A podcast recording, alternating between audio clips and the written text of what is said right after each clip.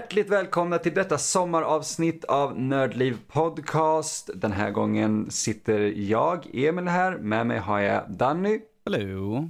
Lilly. Hello. Och min kära Mattias. Hej! Okej, ja igen. Det var skräck. Det där var skräck. Det var skräck. Ja. För det är exakt det vi ska prata om det här avsnittet. Ni ska få höra oss kåsera om just skräck. Eh, Ett, ett litet, vad ska man säga, en hjärtesten för i alla fall mig och Mattias så får vi se hur våra andra kära nördlivare klarar sig här nu. Skräck, vad är det för någonting? No är det där bra för magen? Skräck kan vara väldigt bra för magen. Ja, sweet. Mm. Vi kan väl egentligen börja med att titta på, bara hoppa rakt in på det här på en gång. Vad har ni, eller vi alla, för relation till skräck eh, egentligen? Knäpptyst. Knäpptyst, det är ingen, det är ingen som vill starta Du får helt va? enkelt kasta över till någon. Okej Mattias. Jaha, du. Vi börjar med dig, för att du är jag alltid... Eh, eftersom Mattias och jag har Kultpodden på Nördliv också så tänker jag att det är en bra start att bara få bort oss, och, eller ja, honom. Vi, vi, Ja, mig du, du vill egentligen inte ha mig här. Men när jag sitter i poddar med dig hela jävla tiden, varför? det här är skräck för mig att behöva podda med dig ännu en gång den här sommaren. Ja, Men Mattias, när kom din fascination för skräck och hur ser du på skräck nu jämfört med hur du gjorde när Eh, du upptäckte fascinationen för skräck kom ändå ganska tidigt. Jag tror att det var innan jag fyllde 10. Men det var också innan jag började titta på filmer. För eh, jag var... Jag inbillade mig att jag var lite för rädd och att jag inte fick titta på det. Så eh, vad jag främst gjorde var att i gamla videobutiker så stod jag och granskade alla videoomslag och läste på baksidan om vad de handlade om. Men eh, sen vet jag inte riktigt. Alltså när jag började titta på det så jag ville bara ha mer. mer av det. Och det slutade aldrig riktigt och det är väl typ där jag är idag också. Att jag fortsätter att titta. Jag vill alltid se fler skräckfilmer och kommer troligtvis inte hejda mig där heller. Men hur kommer det sig tror du att du vill se mer skräck? Det är ju en, ändå en ganska speciell genre. Är det någonting där som lockar dig? Är det någon kick du får eller fick i alla fall som du... Ja du, jag har funderat på det hela jävla livet känns det som. Jag kommer inte på något vettigt svar riktigt. Nej men det är helt okej. Ja. eh, Men eh, jag tror att det är någonting jag får ut av det som jag inte får av andra genrer. Typ att det, det är den genren som är rädd för att inte ta upp lite tabuämnen och så. Det har du faktiskt Ja. väldigt rätt i. Precis. Det är en av få genrer som faktiskt kan göra det. Ja. Uh, vare sig om det är typ eh, om sexuella läggningar eller eh, sexuella intressen så. Va- varför just sex? Jag, jag tänkte fråga, Matte, vad, vad är det? Ja, eller nej, typ, nej, det är eller typ ja, nu gör vi en film strikt om seriemördare. Alltså vi gör ett personporträtt om eh, seriemördare och jada, jada, jada. Ja, det, det känns som att det som annars är förbjudet vågar den genren prata om. Det är ett snyggt sätt att närma sig tabuämnen Jag tycker på. det. Danny, din relation till skräck då? När, när hittade du, eller helt enkelt, gillar du skräck eller vad har du för relation till skräck? Eh, jag tycker om skräck. Eh, jag tycker det är en skön sak att sätta sig ner och titta på. Eh, inte för att jag vanligtvis skrä skrämd utav skiten, så att säga. Jag har ju recenserat väldigt mycket av skräckspel vi har i, på Nördliv. Jag är väl helt fel person, så jag sitter så här, nej, sätter för, nej, kast, nix, nej, nej, nej, kommer inte hända någonting. Jag, jag kan redan se att det händer ingenting. Men precis som i skräckspelen så är det liksom atmosfären jag är ute efter. För att ifall en bra skräckfilm så bygger det mycket atmosfär. Det är inte liksom att vi slänger någonting upp i ansiktet. Det är inte den här splatterskräckfilmerna där de liksom, hivar in lite massvis med. Uh, tar till exempel Hitchcock som ett bra exempel. Han jobbar ju väldigt mycket på atmosfär och liksom att få in tittaren liksom och känna något att det ska kännas obehagligt på något sätt. De här långa, långsamma panoreringarna och liksom inzoomningar och sånt. Eh, Det är sånt jag tycker om eh, i skräckfilm och sånt där. Sen såklart när det, när det blir några hemskt roliga mord sådär, det är alltid kul sådär, det klagar vi inte. Det här kommer bli klippt och taget helt ur kontext. Men. Hemsk person, stoppa honom någon. Eh, Jag växte upp väldigt tidigt med skräck, för jag har ju en hel drös med äldre syskon och de brukar titta på film och skräck var där också. Så att det var ju sånt som jag helt enkelt bara växte upp. Så att jag antar väl att det är väl därutav att jag inte tycker att det, är... det, nej, det var inte så farligt. De slevade ut ögat med en sked. Jag har sett värre. Så. Ja, men du får ändå ut någonting av atmosfären. Precis, det är ju sånt jag tycker om. Liksom en atmosfärisk film. Det, liksom, ifall du har en bra story, liksom, du har en bra slut också, där liksom allting kommer ihop till en helhet istället för liksom, ja ah, men det där var, det där är den tokiga mördaren liksom. Varför då? Eh, någon slog han i huvudet för 15 år sedan. Så. Det, det är inte så inspirerande. Liksom man bara, ja, jag har spenderat två timmar på den här skiten. Ah, ja, okay. ge, mig en bra, ge mig en bra skräckfilm eller så kan jag stå över det helt och hållet. Sådär. Mm. Mm. Jag kan förstå den grejen ändå. För att eh, just, jag gillar att du tar upp Hitchcock. För Hitchcock brukar man ju prata om då. The Master of Suspense, mm. eh, väldigt mycket thriller. Eh. Jag tänkte det, det är bra referens liksom för att de flesta kan ju hänvisa och tänka liksom, ah, men jag har sett en Hitchcock så att jag kan liksom se vad han menar. Mm. Ja, precis. Det, det, är ändå en så, vad ska man säga, han har influerat så många också så att även om man inte har sett just en Hitchcock-film har man garanterat sett hans stil någonstans. Eh, det, det är ju regissören eller ja, som myntade det här att eh, om du visar, jag kommer inte ihåg vad eh, citatet är riktigt, men att du visar publiken bomben under bordet. Precis. Uh, och, och det, det, är så otroligt snyggt formulerat för att på det sättet så bygger man verkligen upp och du skapar en stämning på, på två sekunder med det. Och karaktärerna vet ingenting, vilket gör dig som tittare ännu mer stressad. Så sitter man själv där på stolskanten. Men kom igen, kom igen, titta under stolen, titta under stolen. Varför kan ingen kolla under stolen? Istället för den här liksom, åh nej, gå inte upp för trappan, åh nej, ha inte sex, nå no, gud, nu kommer de dö. Sätt det för. Ja, men det är, det är någonting med det här att låta, uh, vi kommer till dig Lilly, jag vill bara Just det, jag är med i podcasten. ja, Hej Lilly! Hej! Uh, Nej men det här med att låta eh, det blir mer passivt för att om du har en film där eh, karaktärerna går upp för en trapp och du vet att mördaren är där uppe. Mm. Det är mm. inte så intressant. Eh, om du däremot har dina karaktärer sittandes på en stol och bordet är där. Det, det är mer den här passiva skräcken. Det är ingenting som hela tiden ska tri triggas upp eller stressas upp. Utan Precis, det är för det är ju där. bara den där hela tiden vetskapen att det finns där. Mm. När Precis. som helst kan det smälla.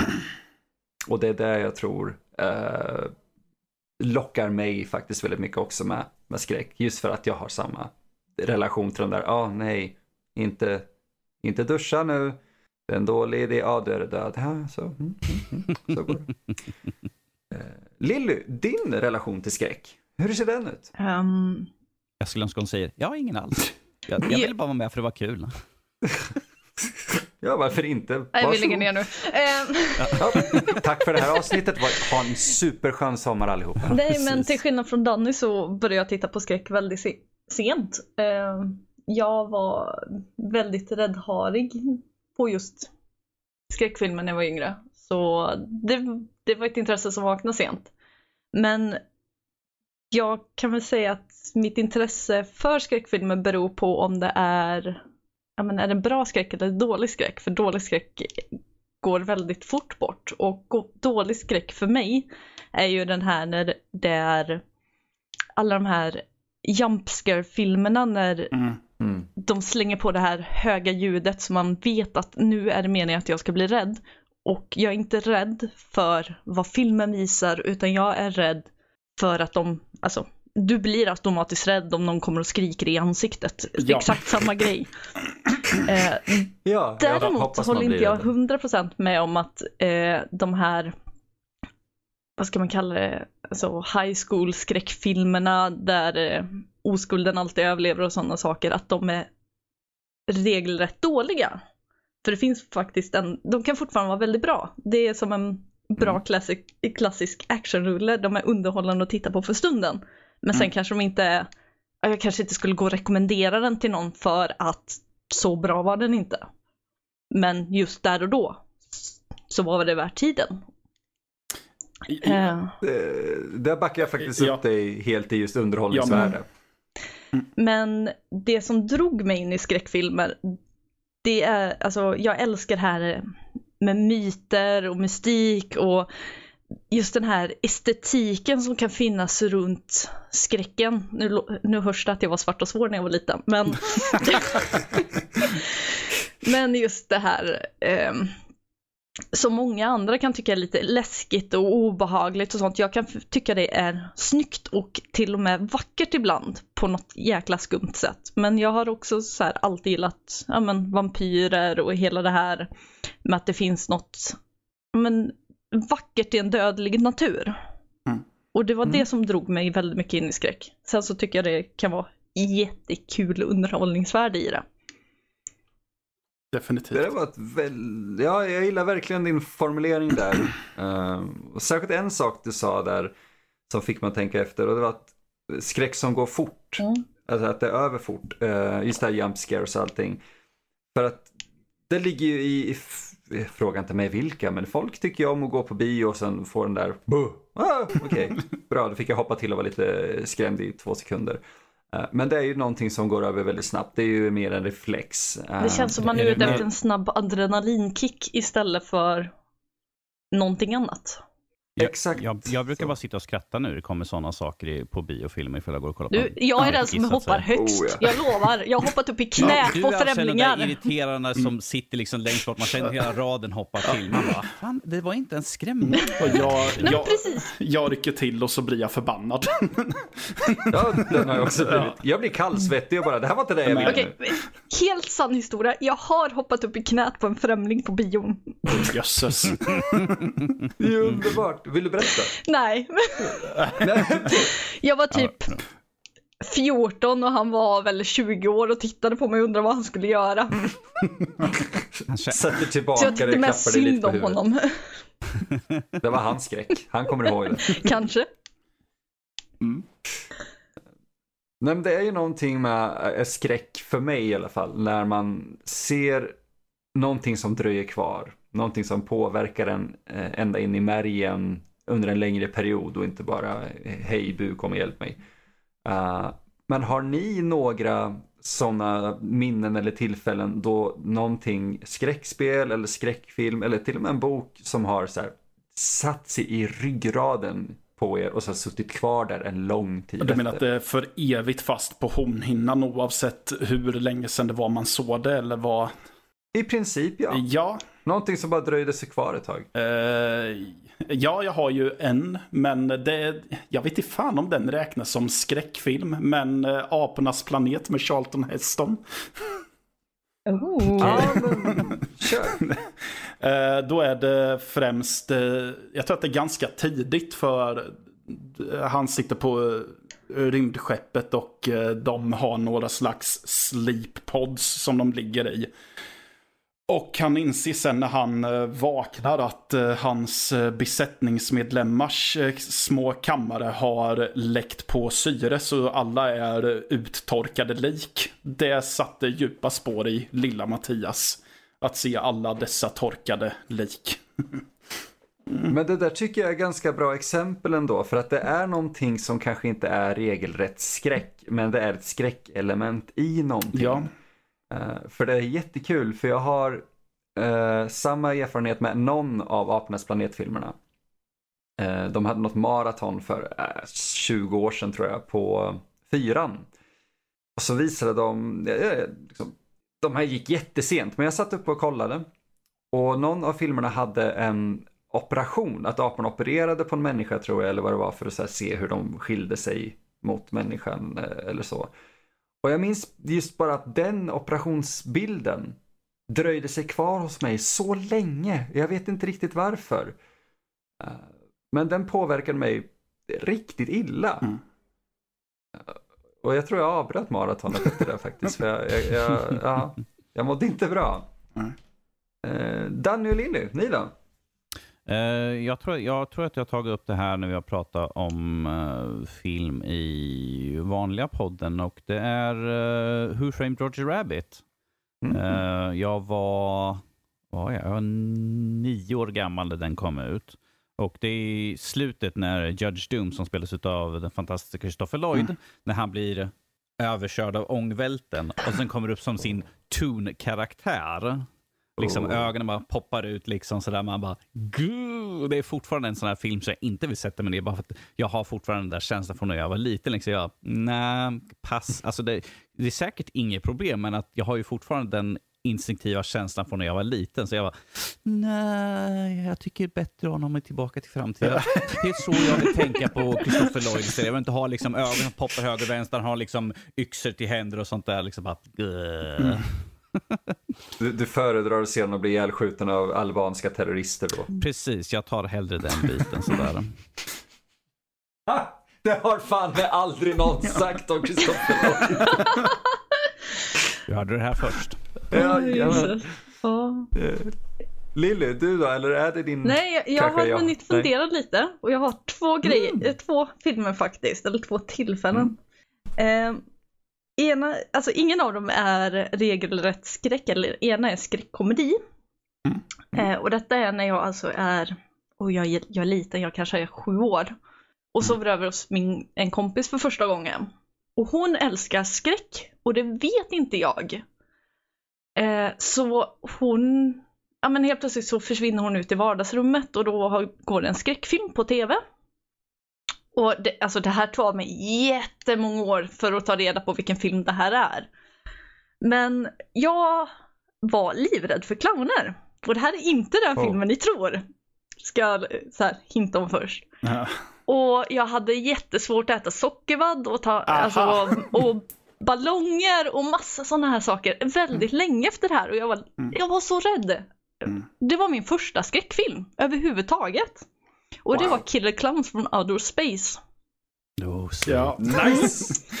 Jag har den stående här borta i Jag har inte sett om den. Ska jag väl lägga till. Jag har inte gjort det. Nej. Ska vi, se, Ah. ska vi se den när vi träffas någon gång? Jag är lite det- osäker. Alltså, Jag kan handskas med det vilken dag som helst i veckan, men inte. Nej men alltså, det där är intressant för det är ju inte en film som man instinktivt tänker på att det är en film man har blivit rädd för. Nej, Nej, precis. men Men, just alla komponenter runt omkring gör att den här filmen, jag tror jag tog mig ur sista så här, stegen i clownfobi nu när eh, det gjordes om. Okej. Ja. Wow. Shit. Så ja. lång bam. tid satt det i min rygg. Ja, men jag tänkte med Killer Clowns där att jag tänker att ser man den all... när man kanske är lite för ung eller något sånt så kan det nog vara jävligt jobbigt. Precis. Ja. Eh, den andra filmen, eller det andra filmmomentet som verkligen skakade om mig, det är ifrån Matrix när Neo vaknar. Jag hade sån, ex- excess, alltså, sån kris liksom på att, då var jag också rätt ung, jag var väl 11-12 någonting, jag vet inte riktigt. Och det enda jag tänkte på att när jag vaknar imorgon till morgonen, jag kommer inte vakna i den här världen. Hur vet jag att min, mina mardrömmar inte är min verkli, riktiga verklighet? Och det här brottades jag med rätt länge efter den filmen. Ja. Men, ja, jag minns det, för jag, jag tror Matrix gav mig också en form av existentiell kris Mm. lite grann. Ehm, det, det, det fuckade verkligen med Ja, men mig. just Det- den scenen när han vaknar i den riktiga världen. Efter det var de tvungna att stänga av och se till att jag var långt borta från tvn innan mina kusiner fick fortsätta titta på den. Oh. Och jag är äldst bland kusinerna ska vi lägga till, jag kunde inte hantera det. Okej. Ja, men det kan ändå vara en sån grej eh, som påverkar en oavsett ålder egentligen. För jag, jag tror inte att någon som känner mig nu skulle tro på att jag har varit en rädd hare eller tyckt att sånt här var otäckt en Det, gång i det tiden. närmsta du kommer säga här efter kommer inte jag tro det för fem. Nej, jag blev livrädd för Mumien och jag har samma eh, grej med... ja, med eh, Mumien som jag har, eller som du har med Roger Rabbit. Mm. Danny. Jag, när jag sätter mig och ser den, eh, det är alltså Brennan Fraser-mumien, eh, matinéäventyr. Jag, jag älskar filmen. Jag gör verkligen det. Jag har sett den flera gånger sedan dess. Men sen kommer en scen. Jag, och jag minns när jag såg den här på VHS, jag var väl 11 år någonting. Jag låg ju alltså skakade och var kallsvettig här, under eh, min systers täcke. Och mina föräldrar fick stänga av den och bara säga nej, det här, det här går inte. Och det är jättekul nu när jag tänker efter på, eh, okej en film med Brennan Fraser i och jag blev livrädd. Hmm, intressant. Eh, men det är när, uh, jag kommer inte ihåg vad hon heter nu, Raquel Weiss tror jag. Ja. Eh, hon, de har kommit bort från varandra i den här gruppen och, och Mumien har precis vaknat. Och hon kommer ner i någon sån här katakomb och sen så ser man henne i förgrunden och i bakgrunden så står en av de här utgrävarna. Eh, Eller arkeologerna och han står med ryggen mot henne. I en lite halvkonstig ställning och så, så vänder hon sig om och så, ah, vad skönt att det är någon här som jag känner igen. Åh nej, alltså det här är ju fruktansvärt. Och sen så vänder hon på honom. Och då har mumien tagit hans ögon. Mm. Och han har bara två tomma hål.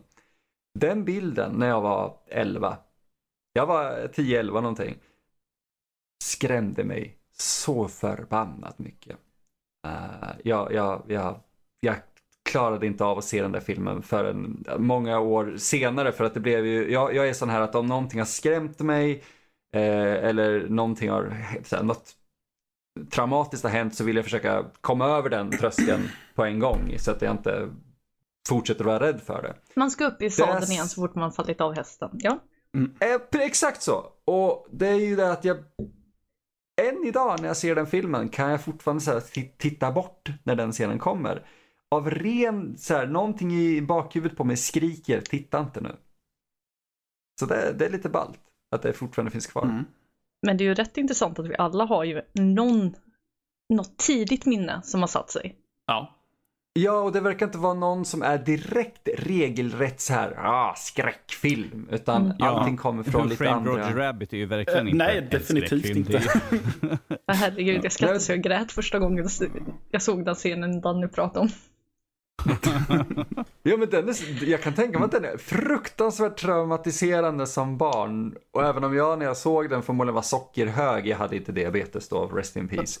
Eh, och bara älskade hela det här överdrivna, sockerhöga uh, Christopher Lloyd-scenen. Jag bara kommer att tänka på att han har förmodligen mer hår än vad jag har i den scenen.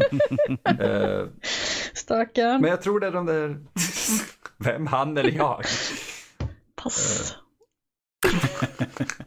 Men just att det finns de här små elementen av skräck i allting, eller i någonting som jag tror blir mycket otäckare för att man är inte beredd på det. Eh, för att man sätter i, typ, man tittar på Arternas planet, man tittar på Roger Rabbit, man tittar på eh, Killer Clowns eller sådär. Mm. Eh, det är någonting där som kommer, om någonting där i kommer skrämma en så kommer det skrämma skiten ur en. För att man är inte, man har inte garden uppe alls. Sätter man i Conjuring så vet man att nu kommer jag förmodligen hoppa fem gånger. I alla fall. Eh, jag eh, har ju skrivit krönikor om det här men jag vill bara berätta en kort grej.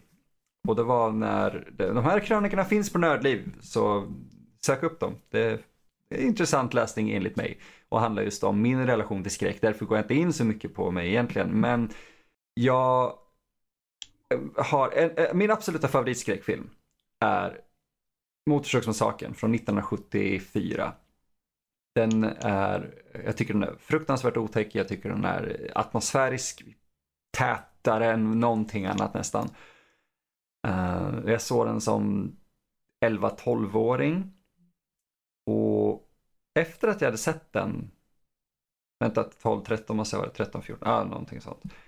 Ung tonåring. Och efter att jag hade sett den så kunde jag inte gå utomhus och höra en moped och inte få en mindre panikattack. För jag trodde det var någon som kom med en såg och jag började fundera på, lever, lever Ed Gein fortfarande? Ed Gein kommer komma efter mig för att jag har sett den här filmen. För det var ju löst baserat på Ed Gein. Och, jag tror det är den fascinationen som har hållit kvar mig så hårt inom genren och att jag än idag är ute efter de här kickarna av herregud jag kommer dö för att jag ser en film. Mm. Uh, på något vis. Det, det är därför som jag har sökt mig till väldigt mycket mörkare skräckfilmer, om man ska säga, idag. Uh, med mycket mer underton än hej jag hugger dig i ögat med en kniv. Vilket kan vara charmigt i sig, men ändå. Mm. Mm, mm. Alla bara nickar håller med. Ja, precis. Det gör, gör det, det är bara... Det, det hörs väldigt vi- bra att man nickar. Ja, det är en väldigt bra podd då. Mhm. Men jag tänker, eh, det här var ju skräckfilmer och så då, men om man tar lite skräckspel, finns det några speciella minnen med skräckspel som vi skulle vilja prata om? Det behöver inte vara att man blev rädd just, om det kanske finns någonting. För jag har inget som jag blev rädd-rädd för. Men ja, det har ju jag. Ja, men då blir det bra. Ja, nu blev det spännande helt Ja, plötsligt. nu får Mattias ta det. Eh, Ja, det är klart som fan att jag får det. Ja, men eh, första Resident Evil gav jag mig ett... eh, Ta, Skulle jag försöka spela när jag var, vad fan kan jag ha varit? 10, 11 kanske. Och eh, jag kom inte så långt för jag kom till eh, den här jättekända scenen då man går in i ett rum och så är det en zombie som sitter och mumsar på någonting och tittar över axeln. Och den bilden gjorde att jag instinktivt typ stängde av spelet och ville inte göra no ha något med det spelet att göra någonsin igen. Har du haft det sen Nej. dess? Oh. Tror vi, vi ska sätta Mattias på en streaming. Eller hur? Lilly? Jag eh, spelar inte så mycket skräckfilm. Just på, eller skräckfilm, sp- skräckspel. Nu, nu, nu, nu har det gått för långt. Eh, Nu var rädd. nej men just på grund av att inte jag gillar det här jump scare elementet. Eh, men samtidigt som jag säger det så måste jag säga att det är lite svårt att säga vad som är ett regelrätt skräckspel och vad som är alltså bara ett spel som innehåller skräckelement. Jag menar, jag har ju spelat Resident 4 i mitt kuddfort, men jag har spelat det. eh, Nice. Det är bra att hon ursäktar att hon hade ett kuddfort. jag har alltid ett kuddfort. Eh, men alltså, jag har ju lagt hur många timmar som helst i Seven Days to Die och fast jag var typ stängde av spelet första gången jag spelade och typ skulle aldrig spela det igen för att jag blev så jävla skrämd första natten. Så jag har inte jättebra relation till skräckspel just. Nej. Det Jag, hör är, att jag, ska, jag hör att jag ska sätta något skräckspel på Ja, det jag- recensera mm. snart. Så. Mm. om vi säger så, så, det är mörkrått i ett spel. Jag vill helst inte gå in där, kan någon annan göra det? Kan någon annan ta över det här åt mig nu? Så nej, inte så mycket relation till det. Om jag kan undvika. Men, men har du någon så här särskild, för det är också lite intressant. Det finns ju spel så som Fear exempelvis. Nu kanske jag är helt fel ute då, men Fear för mig var ju inte ett skräckspel på det här sättet. Det var ju actionskräck och... Det, det är men- ju ett actionspel med premiss av en, en överhängande skräckkaraktär. Det är ju så baserat från typ eh, gamla Ju-On the Grudge eller något sånt där. Ju, så. Mm. Jag borde spela det spelet har jag. Eh, Ja, de är, de det är faktiskt du. riktigt bra sådär. Mm. Och skräckelementen är ju... De har ju några scener liksom när man ser eh, Alma när hon kommer liksom gåendes eller något sånt där. Men att utöver det så är det ren och skär action nästan rakt igenom. Så. Ja. Mm. Mm. För det tänker jag ändå är en så här lite fin, om man vill prova på eh, det här med skräckspel lite lätt eller så igen. Så Fear tyckte jag var bra just för att du blev rädd i kanske så här, eller blev lite så här skrajsen i alla fall. Du satt inte och fick panik och stängde av. Eh, Ja. Men eh, ja, det tycker jag. Ja, för, för jag spelar inte så mycket skräckspel heller, men jag är ju intresserad av dem och jag brukar ju på något sätt införskaffa dem. Men jag måste vara på rätt humör för att spela det. Känns det som. väldigt ljust, upplyst Äh, område. nja, Alltså, kan det jag- behövs inte. Kan jag titta över axeln på sambon när han spelar? Ja, då, går, då är det helt lugnt. Då håller Ja. jag inte kontrollen själv, så det är helt lugnt. Men, Det var ju det som men eh, sen, Danny sa åt eh, Elisa göra på mig. Mm. Sätt Emil via Outlast och sen kan du sitta och titta. Så. eh, Det blir roligt. sen, sen har jag inte spelat något på ganska länge nu, men jag tror att det har att göra med att jag är lite less på de här FPS-skräckspelarna där man ska smyga sig igenom en miljö och man kan inte försvara sig mot det otäcka utan man ska springa och gömma sig någonstans. För att jag känner lite där, eh, jag har sett det här förut. Mm. Ja, Ja, det håller jag Ja. med om. Jag vill ju modda in ett support eller någonting för att slå en stol i huvudet på monster i typ eh, ja, ja, men Amnesia. precis. det skulle göra det spelet roligare. Ja. Mm. Men det är ju spännande. Men eh, däremot kan jag gilla spel som har lite eh, atmosfär som går åt skräck och lite eh, skräck som går eh, rent tematiskt mer, om man säger så. Mm. Ja, för jag tänker du är ju egentligen alltså point and klickaren av oss Ja, här. ja, jo, det är jag väl. Ja, och det Rob finns... om den titeln. Ja. Ja, ja, just det, det var Rob med. Jag tänkte, det, vi får en pe- peka klick-down mellan de två. Uh, fan, sk- En click-off. en. Klick-off, där har vi det. ja. Eh, nej, för att det finns ju ganska många peka-klicka-spel ändå. Faktiskt överväldigande många som har ett skräcktema. mm.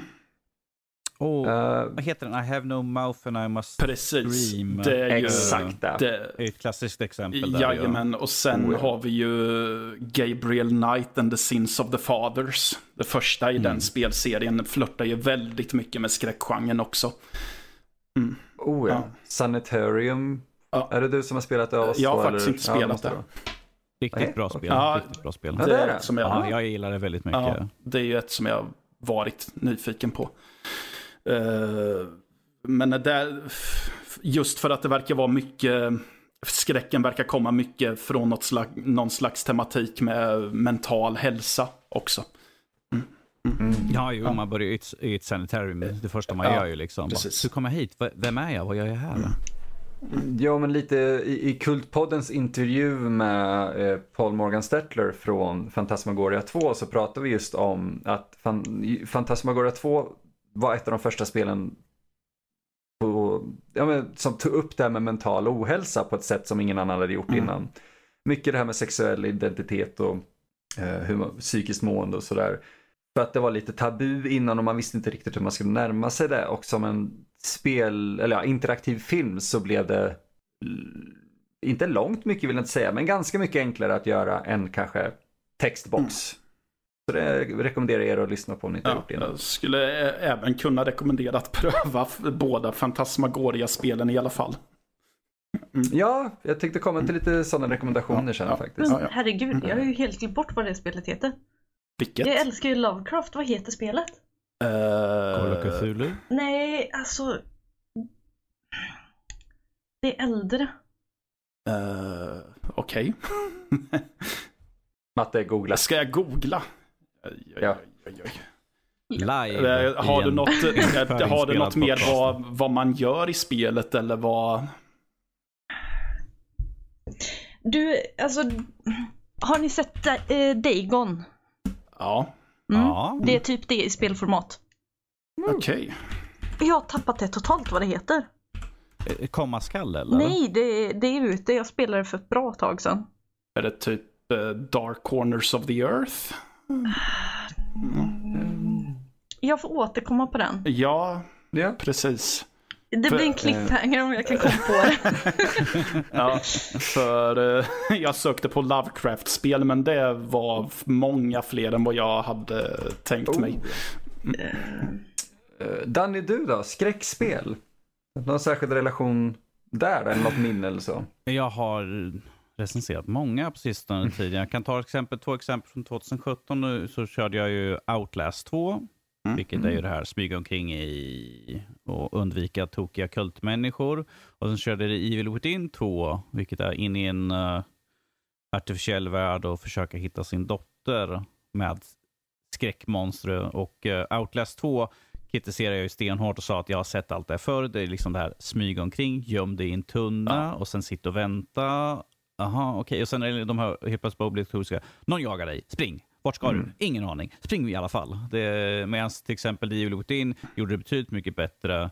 Eh, man kunde smyga omkring i en hel stor stad. Det är liksom jätteudda monster. Liksom ett monster är som byggt utav bara kroppsdelar och har typ massvis med huvuden och sånt där. Men eh, jag, jag tog och koll, slängde upp mina listor för spel jag recenserat de si- tre sista åren och det finns några stycken. Några som jag kan verkligen säga, typ Agony, som var liksom utannonserat. Mm. Liksom, det är liksom ett helvete, det är byggt av kroppar, det är blod och inälvor och allt sånt där. Och sen var det så dåligt. Det var liksom Ja. inte ens skrämmande på något sätt. Det var skrämmande hur uselt det var kanske jag kan säga. Ja, det, det minns jag att det var ju ett spel som jag var ganska pepp på när det utannonserades. För jag älskade ju hur det såg ut. Men sen när jag hörde och folk prata om det, när jag tittade på gameplays och grejer så dog ehm, peppen ganska mycket. Ja, du behövde inte sitta och pinas igenom för att skriva en recension i alla fall. nej, så. nej. Hör du det Matte? Jag, jag, jag har ingen rätt att gnälla känner jag här. Nej, precis. Och sen, eh, däremot så har vi ju som sagt Call of Cthulhu som kom ut förra året som var riktigt bra gjort faktiskt. Eh, Bra stämning, eh, kanske inte så jättemycket skräck på det sättet, men jag tyckte om stämningen i staden, liksom hur allt folket uppförde sig, liksom när man känner liksom att det är något som verkligen inte stämmer. Och sen har vi det, vad heter det äldre Cthulhu-spelet som kom för ett par år Dark sedan? Corners of the Earth. Dark Corners of the Earth. Tyvärr lite, lite problem i själva spelet, men att utöver det så var det precis samma sak. Det är en bra stämning. Det, liksom, det, är bra, det, det har ju en sån rik mytos att bygga på, Mm. liksom. även fast jag inte ser att Cthulhu, Hydra eller Dagon eller något där som riktiga skräckmonster, utan det är liksom coola monster bara. Mm.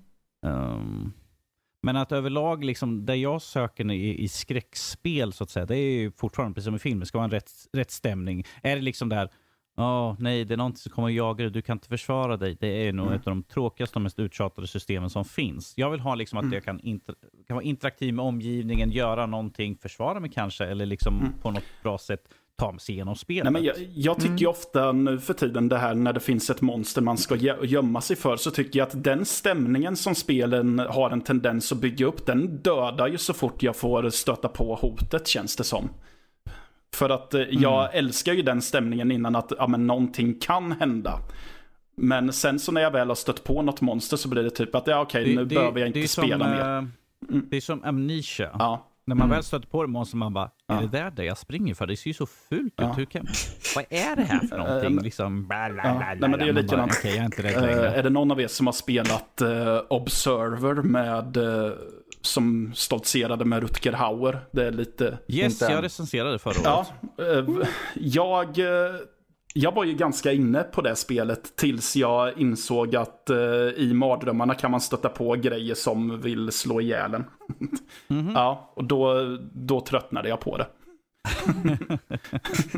Kan jag dö? Det var inte Eh, Nej intressant. men, Nej, precis. nej men alltså, eh, visst jag fattade väl att man kunde dö, men när det var banor där jag var tvungen att smyga mig igenom utan att bli dödad av någon konstig Mm. robot, då kände jag att nej men nu var inte det här så intressant, för nu är det ju som vilket dussin spel som helst nu för tiden. Jag, Ja, för det- jag gillar det i alla fall. Ja, okej.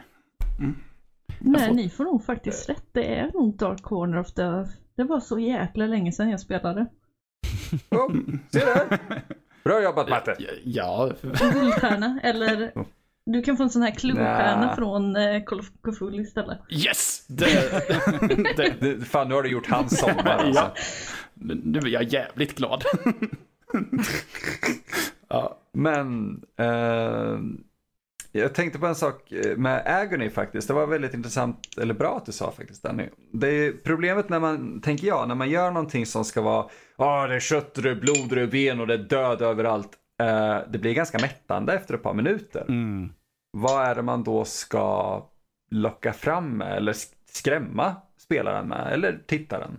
Ja, en intressant story i så fall i alla fall. Vilket Ah. det inte hade heller. Intressant, ett bra game... Nej, just det, hade det inte heller.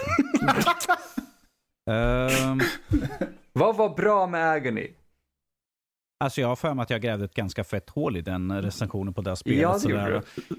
Ehm, nej, det finns nog ingenting. De släppte ju visserligen en unrated version, eller vad man ska kalla den, en osensurerad version på PC, för att på konsol kan du inte släppa det. Men att jag har inte, Nej, ens, men, jag har inte ens startat upp, för jag tänker att det är inte värt min tid. Jag tänker, eh, bara för att det är unrated så är det säkert bara för att det är mer Det är könsdelar i. könsdelar, det är lite, ny, lite andra texturer på monstren, som det är lite mer bröst och allt sånt där. Det är liksom, wow. Skrämmande. nej. Ja, pre- precis. Jag är livrädd för bröst och vaginor. Ja, Nej, precis. Det, är, det, är lite våld, det var, skulle vara lite våldsammare dödsanimationer och sånt där. Men jag tänkte att ja, det är inte riktigt det jag är ute efter. Så. Om man vill ha våldsammare och blodigare då går man väl till spel som typ Mortal Kombat och typ jag vet inte, Doom? Ja, Ja, det ja, är det ja. har du ju. Du, det... Sa han med längtan. Ja, Mm. som, som jag sagt förut i vanliga podden, jag har absolut inte förhands, förhandsbokat Collector's Edition på Nej, det, du har absolut inte. nej, nej, nej. absolut inte gjort det. Jag satt inte alls det ganska gjorde fint det. i hyllan. Du- du var- vi kanske, vi, du var snabbare än mig helt enkelt. Precis. Är det, Ja, är det lite rivalitet? Precis. Oh. Mm, jag kan sitta i min lilla, min lilla mask sen i höst. Ja. Ska vi kanske hoppa tillbaka till lite film och sådär? Ja. Ja, men jag tänkte just eh, behandla både skräckfilm och skräckspel lite Mm. grann faktiskt. För jag tycker det är en ganska intressant, eh, det är två olika medier som behandlar ämnet eh, ganska olika ändå. Mm. Ehm, för jag kan ju bara säga det kort att förra året hade vi ju eh, på Nördlivs Instagram här, fyra spel varje nördlivare egentligen tyckte om eller hade på sin lista. Eh, och ett av dem för mig var Silent Hill 2. Mm. För att det är ett spel som, ja, till och med bland de andra Silent Hill-spelen så är det det som satt sig hos mig som någonting som faktiskt gjorde mig, det här är en jättekonstig formulering, men positivt deprimerad. Positivt. Ja, det- du har helt rätt. Det var en väldigt konstig formulering. Ja, Ja, men inte vad jag menade, det var inte rätt. Eh, nej men att, att jag blev väldigt tillfredsställd av det, jag blev väldigt eh, så här: wow, okej det här var bra gjort, det var välgjort och det fick mig att må skit. Precis som jag tror att spelet ville att jag skulle må. Det ville inte skrämma mig, det ville komma under huden på mig. Mm. Eh, och precis det lyckades eh, Silent Hill 2 göra. Så där kan jag rekommendera folk att, ja, för fan, inte den här PS3 eller Xbox eh, HD remastern, den är inte bra. Utan försök att hitta en PS2 original. De finns på Tradera och sådär ganska billigt. Eh, men ge den en chans. Det är kul också att eh, det är faktiskt en av de faktiskt bättre spel till film, vilket är första Silent Hill-filmen ju. Den, Jag tänkte faktiskt, ja, den, just den, är, det. den är ändå baserad utifrån första spelet och tagit delar från tvåan också ju så. Ja, de har gjort en ganska bra kombo där tycker jag av, av något jag var väldigt orolig över att de skulle fucka upp. Men jag blir, jag har den faktiskt på Blu-ray. Mm. Så mycket kan jag säga, vilket ändå är ganska okej betyg tycker Mm. jag. Ehm, Jag vet inte ifall det är så bra betyg. Jag äger Rogue One och eh, Episod 8, så, men att, så, att säga att man äger på Blu-ray är inte kanske det bästa betyget i så fall. Jag är bara så glad att du sa Episod 8 och inte namnet på den där filmen. det är för att det jag inte fan- kommer ihåg vad boken hette. Nej, för att det är skit. Man, ingen ska komma ihåg vad den där heter. Betyget Jävla gick ner oavsett. Ja, exakt. Det, det var det Till och med om du hade viktiga. ägt den på DVD. Mm. Jag, jag äger alla Star Wars-filmer på Blu-ray förutom den där, den fick en DVD. Aha. uh, VHS. förde över den dit, det såg bättre ut. Ja, okej. Eh, men någonting vi pratade om lite tidigare var det här, man kan ju vara underhållen av skräck och, Mm. och så. Men när ni sätter er och kollar på, och det, det självklart skiljer det sig, men i huvudsak när ni sätter er med ett spel, eller ja, särskilt då film, skräckfilm. Eh, film, vad är ni ute efter? Är ni ute efter, ja, Ja, Jag brukar alltid sträva efter att i första hand bli underhållning oavsett vad det är för typ av skräckfilm jag ska titta på. För att jag tänker att siktar jag på att bli underhållen så Ja, men jag tycker att det är ett bra mål i sikte för om jag bara ska sätta mig ner och förvänta mig att nu ska jag bli så jävla rädd så att jag skiter på mig. Då, då, då tenderar jag att bli jävligt besviken på filmerna. Kan du inte säga det nästa gång du och jag går på skräckfilm på bio, lika engagerat? Fan, den här gången hoppas jag att jag blir så rädd så att jag skiter på mig. Ja, nej, men jag brukar sträva efter underhållning och eh, är det inom situationstecken en otäck film så ja, men stämningen vill jag åt med. Mm, mm. Ja. Så där. Lilly. Alltså, det är klart att vilja bli underhållen är liksom primärmålet, annars sätter man ju sig inte ner och tittar på en film. Eh, nej, Har jag en känsla det är över. klart. Men utöver det så det beror lite på för jag kan dra åt två håll. Antingen vill jag se en film som är väldigt kul. Mm. Typ, ja men zombiesplatter brukar vara rätt roligt. Eh, jag tror jag såg Babysitter rätt nyligen för första gången. Det Mm. var inte vad jag väntade mig, det var Mm. kul. Ja, den är bra. Eh, Mm. Men oftast är det ju liksom, eller om man ska dra åt andra hållet menar jag, så är det ju typ ja, men estetiken lite. Jag vill se någonting jag upplever ändå relativt vackert. Och Mm. där har vi ju filmer, alltså jag älskar ju Låt den rätta komma in. Det är ju skitmysig Mm. miljö, stämning, det är det här, Mm de lyckas lyfta den nordiska mystiken både i den svenska versionen och den amerikanska versionen, vilket jag var jätteförvånad över. Men även typ japansk skräck som lyckas fånga det här mystiska, eh, sagolika föreställning man kan ha om Japan, tycker jag också är supermysigt. Sen så behöver det inte vara lands, just Japan eller Sverige och mystik utan det kan ju vara något helt annat men just det här lite sagoaktiga som blir den här mörka skräcken gillar jag. Vilka är de mest eh, estetiskt tilltalande skräckfilmerna skulle du säga som du har sett? Äh, Nu ställer du fråga, svåra frågor här. Alltså, Jag får fundera på den om du vill, men eh, jag är lite nyfiken. jag är ju fortfarande väldigt svag för eh, The Ring. Mm. Just det här Originalet eller remaken? originalet. Mm. Ja, Just det här liksom... Får säga Ringo så är det korrekt. Förlåt då, men nu är det Ja, så nej, att man... Rätt ska vara rätt. Det, det var inte så mycket sånt man sa när jag såg den på VHS. Då hette den The Ring för det fanns ingen annan. Våran hette Ringo. Mm, Mm. Varsågod. tack. Får fortsätta Nej. Lilly. Ja. Nej men just det här med scener som när hon står liksom och spanar ut över havet och alltså det blir ändå en speciell stämning över att hon står på samma ställe som hon gör i filmen och ja, alltså det där när det ligger någonting lite bakom. Gillar Mm. jag. Men sen så gillar jag mm, mm, någonting som är hyfsat nytt. Nej, det kan jag inte komma på tror jag. Eh, jag tyckte om norska Tale, tror jag den hette. Ah, okej. Mm, exempelvis. Men det handlar om en skogsvrå så det, det, det var lite fusk.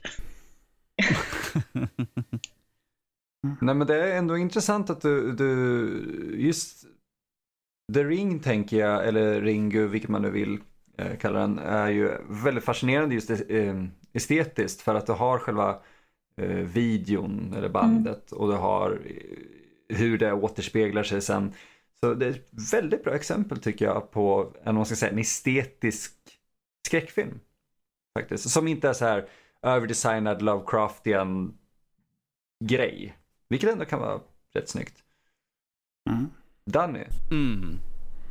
Ja du, vad vill jag bli? Skrämd, underhållen? Helst både och. Mm. Förhoppningsvis en vacker dag skrämd. Men eh, alltså jag är ju väldigt mycket efter, eh, utöver skräckelement så vill jag ha en bra story som sagt som binder ihop allting. Ja. Som en, en, bra, en, bra, en bra mytos till exempel. Ifall det var en Cthulhu-film, fast då blir det mest bara liksom, åh titta tentakler överallt.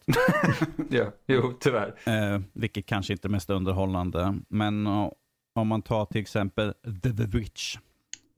Ja. Ah. Eh, Mm. Till exempel, vilket som både har den estet, estetiska estetiken som tilltalar. Liksom. Det är liksom allting uppbyggt, ska se ut som medeltida England och allt sånt där.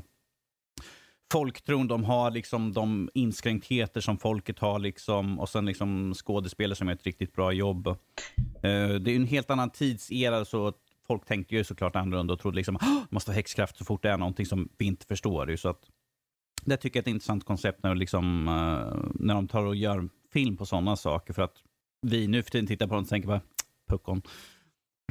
Vänta ett tag, det är den Mm. familjen flyttar ifrån byn ut på när sk- typ någon skog. Ja, de blir utvisade. Ja, det, pappan är, är extremt religiös. så var det. Mm. Eh, Och jag är supertankspridd. Varför sa jag inte Silent Hill-filmerna? ja du, det vet vi inte. Ja. vi, kan, vi kan inte svara för din mentala hälsa, varför du inte har hjärnan i full. Jag, är- jag är inte här. Jag är upp. Ja. Och det hade vi redan nämnt första Jo, jag vet. Det kanske var därför det bara flög ur huvudet. För att d- nu är vi klara med dem. Ja. Jag har själv Ehm, suttit och ja. funderat på varför jag inte tagit upp det här och det här. Men jag tänker att jag får göra ord- det får jag ordna upp sen. Sen, sen har vi ju filmer som klassiken Alien. Åh, Ja, favorit. Där, eh, less is more. Till Mm. skillnad från Hajen som av misstag blev more. Ja. Eh, men eh, om vi tar liksom bara Alien-filmen överlag. Vi har räknat med Alien vs Predator för det är en helt annan femma. Så, Mm så ser vi liksom att de har gått från mer eller mindre skräck. Sen fick vi action, mer action, mer action. Sen blev det sci-fi, utforskande och inte så mycket alien. Så serien har ju gått liksom helt fel håll. Men därför kan vi föredra liksom alien-filmer. För det var liksom eh, trånga korridorer, det är liksom en liten grupp människor, alla är lite lätt paranoida. Liksom, vad är det som händer? Det, och nej, det finns ett monster. Vad gör vi? Vi kryper ner i gångarna här lite grann. Vi har inga vapen direkt egentligen. Så att, det är ju det som gör, det är riktigt bra skräck i alla fall. Du vet liksom, det finns där någonstans. Uh, vi vet inte exakt vad det är, för vi har, bara liksom, vi har inte sett det, vi ser bara en prick på vår liksom, lilla sökargrej. Men att folk dör höger och vänster, så det är riktigt bra. Liksom, och, och sen när man ser de här shotten, de tar sig genom korridorerna, springer, det kommer rök ut och allt sånt där, man inte riktigt vet vad som finns runt nästa hörn. Det är liksom bra, det är liksom stämningsfullt, det är någonting som finns närgånget. Liksom. Vi kan känna igen oss, liksom, att det liksom så att det känns som det är någonting precis bakom mig. Ja, ja katten. Död. Ja, men den, det, jag håller helt med dig där. Plus att Alien, kanske, det, det, blir en dubbelmening där också. Som jag vet inte hur många svenskar som tänker på. Vi har säkert gjort det för att det är någonting vi nördar ner oss i hela tiden mm. förstås. Men att någonting är främmande. Precis. Och i första filmen så var det, det var Alien, det var främmande. Mm. Uh, och sen så när man då ser Alien 4 eller Alien Covenant, då är det så här, det är inte så jävla främmande längre det här. Nej. Nej. Ja, vi får en förklaring till allting. Så, ah, nu är det inte, nu är det inte skrämmande längre, så nu vet vi allt allting. Hur det kom till. Oj, oj, oj. det har jag verkligen gjort, att jag håller mig till första filmen. Jag, jag har sett Prometheus två gånger tror jag.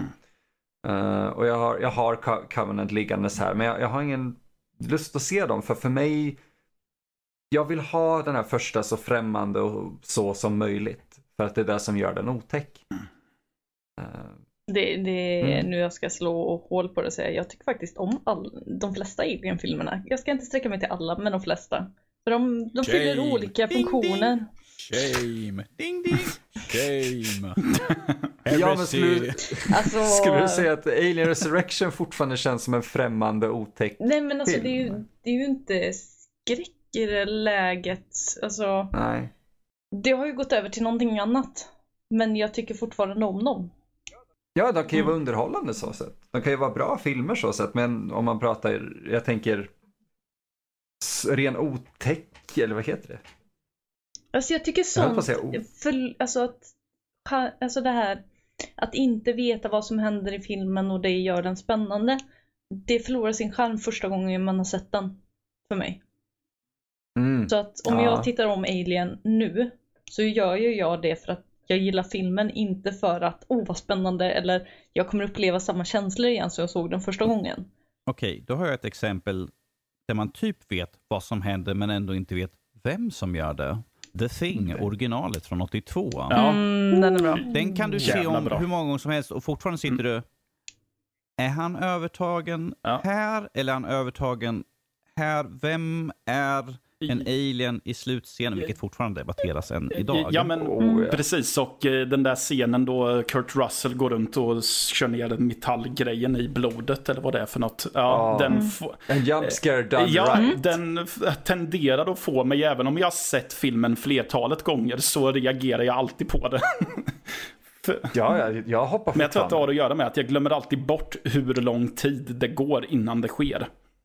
Mm. Men den här, det. det är ju en film som är snarare ett undantag än någonting annat. Oftast så mm. lyckas ju inte filmer så bra med just den nej. grejen. Mm. Men gud nej, alltså den gör ju det där väldigt rätt mm. jämfört med typ varenda annan film som har kommit väldigt efter den. Väldigt mycket bättre än, än prequelen. ja, den har jag inte ens besvärat mig med att titta på. så. Gör inte det ens. Det, det jag tycker är tråkigt med den är att de försökte ju köra, det här kommer folk bli jätteuttråkade att lyssna på. De, de körde ju praktiska effekter. Ja. De hade liksom Allting fanns ju som praktiska effekter, men de tyckte att ja. det ser inte riktigt rätt Så de lade CGI över allting och tog bort liksom, så att du ser, du ser ingenting. Du ser mm. ingenting av det som är praktiska effekter egentligen. Nej, och det var ju just det där faktumet, för de, när de marknadsförde filmen så är, är det ju som du säger att de sa att de skulle köra på praktiska och det var ju det som fick mig intresserad av den ifrån början. Mm. Men som tur var så hörde jag talas om att det var CGI sen i slutändan, så då drog jag mig ut snabbt. För, det, för det tycker jag är någonting som tillför väldigt mycket i skräckfilm. Ifall det är någonting som faktiskt är där i filmen. Ett, en, en, en, monster eller någonting ja. Någon som har på sig en dräkt eller något sånt där som skådespelaren kan reagera till. Eller, för, ta till exempel uh, chestburster-scenen i första Alien-filmen. De kunde ja. gjort en, mm. Det bara öppnas upp och sprutar lite blod. Sen kunde de gjort en CGI-grej som flög ut. Inte på den tiden då, men nu för tiden. Då hade det inte varit samma sak. Då hade de bara sett att det sprutade lite blod. Det är liksom ingenting att berätta. Men de drog mm. ut den där jävla grejen och skrämde skiten nu allihopa, liksom, mm. för de hade ju inte sett det innan. Sånt Mhm. tycker jag tillför, liksom, när skådespelarna har någonting att reagera mot. Ja. Istället för liksom, titta på den här pingpongbollen som vi har på en lång pinne, det är ett monster. Mm. Nej men alltså, det är ju lika, om du ser ett monster som är konstruerat eller en snubbe i en eh, kostym så ser du att omgivningen reagerar ju på Mm. det monstret också. Det kan ju vara något så enkelt att du ser att ja, men, grenar knäcks och sådär. Alltså du ser att det här är någonting som faktiskt är där. Mm. Ja. Jo men bara någonting, eh, just med skräck så är det så jävla viktigt att suspension of disbelief funkar. Och är det så att du har någonting framför kameran så kommer det funka bättre än om det är någonting som du gör i efterhand och lägger på. Eh, I alla fall i, i majoriteten av fallen skulle jag säga. Det, det är därför jag känner liksom att det mer generellt sett fungerar ifall ett monster har liksom en mänskliga propor- proportioner. För att vi kan relatera, för att vi tänker, ja men det ser rätt ut. Armar, två armar, två ben, liksom ett, ett huvud liksom sådär. Ifall ett monster har de proportionerna då känns det mer realistiskt för att vi kan tänka oss det i verkliga liv. Ifall det liksom ser ut som, om vi tar Men in Black, liksom, det är en jättestor, ser ut som en kackerlacka sådär. Man bara, Mm. nej, nej. Fast jag vet inte. Alltså det beror på så mycket hur de gör det. För någonting jag hatar verkligen det är när filmer ska animera hästar för det ser aldrig rätt ut. Gud. Och vi ja. vet hur en häst ser ut och vi vet det så väl. Mm. Men när de snarare gör alltså de här övernaturliga grejerna så är det ju någonting som vi inte vet hur det ser ut. Så då kan vi inte Mm. ha en, den referenspunkten att vi sitter och stör oss på att nej, en häst galopperar inte på det där sättet. Mm. Det, jag vet inte, det är svårt. Det är jättesvårt. Och sen så beror det så mycket på film till film tycker jag. Mm. Kanske lite också vilket mindset man går in i. Jag menar en sci-fi film så är det ju lite mer förlåtande kan jag tycka än en fantasyfilm. Eller typ Mm.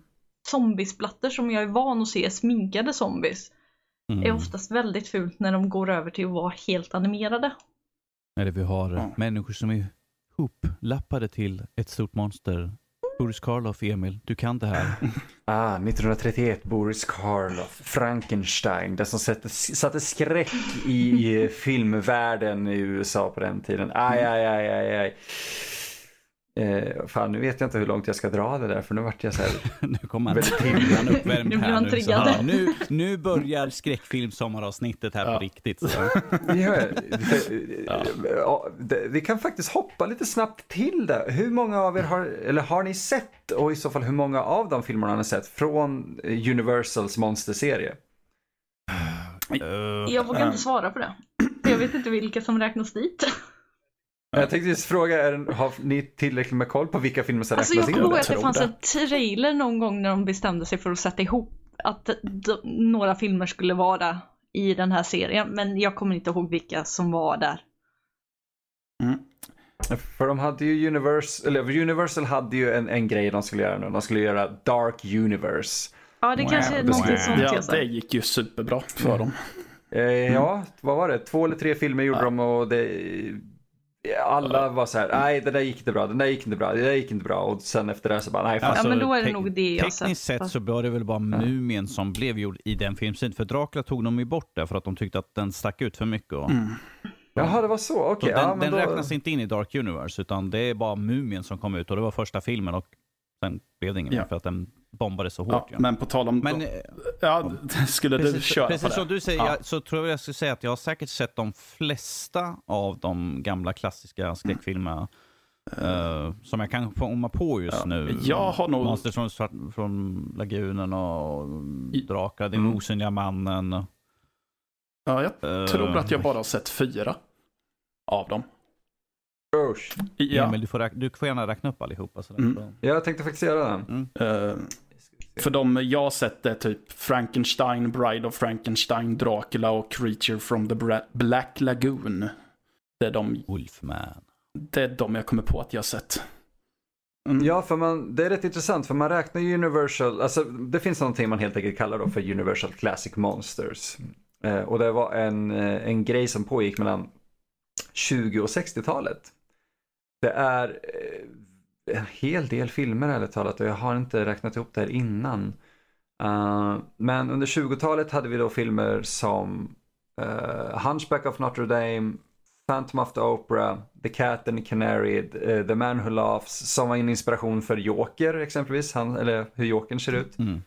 Uh, på 30-talet hade vi, uh, jag ska räkna upp allting här, vi hade två stycken olika versioner av Dracula som filmades Är samtidigt. det den spanska Den är- versionen då också eller? Exakt Ja, den. okej.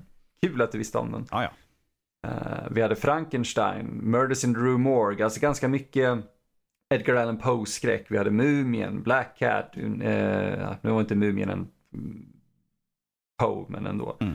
Eh, Dracula's Daughter, Son of Frankenstein, Bride of Frankenstein. Eh, 40-talet så var det Wolfman, Mummy's Hand, mycket uppföljare kom då. Mhm. Intressant nog. Och sen 60-talet så var det ju egentligen eran då eh, man, man drev ganska mycket med den här typen av eh, skräck. Var det då Ab- Abbott och Costello-filmerna kom eller? Ja, Ja, jo, exakt då.